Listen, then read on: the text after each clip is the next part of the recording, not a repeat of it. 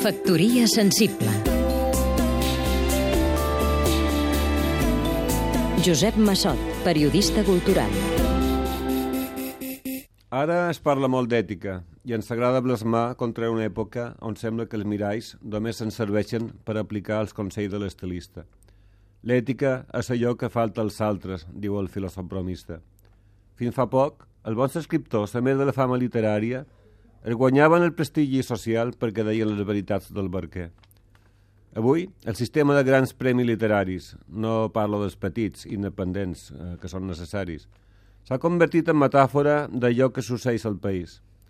Un editorial vol cridar l'atenció mediàtica sobre un títol o vol robar un autor a un editorial rival. Convoca, doncs, un premi en l'aparença d'un concurs.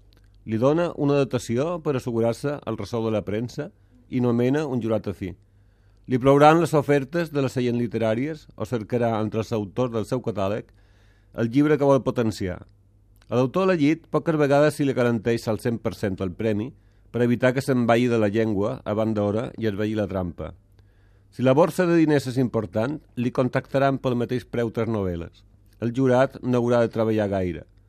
O es limita a posar la seva firma o accepta que l'editorial els doni a llegir només tres o quatre obres. Tot això és un engany. El, els candidats, els lectors...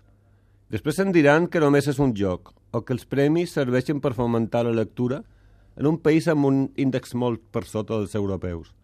Però jo m'estimaria més que les editorials, les agents literàries i els escriptors deixessin la literatura lliure de tripillocs. Factoria sensible Seguim-nos també a catradio.cat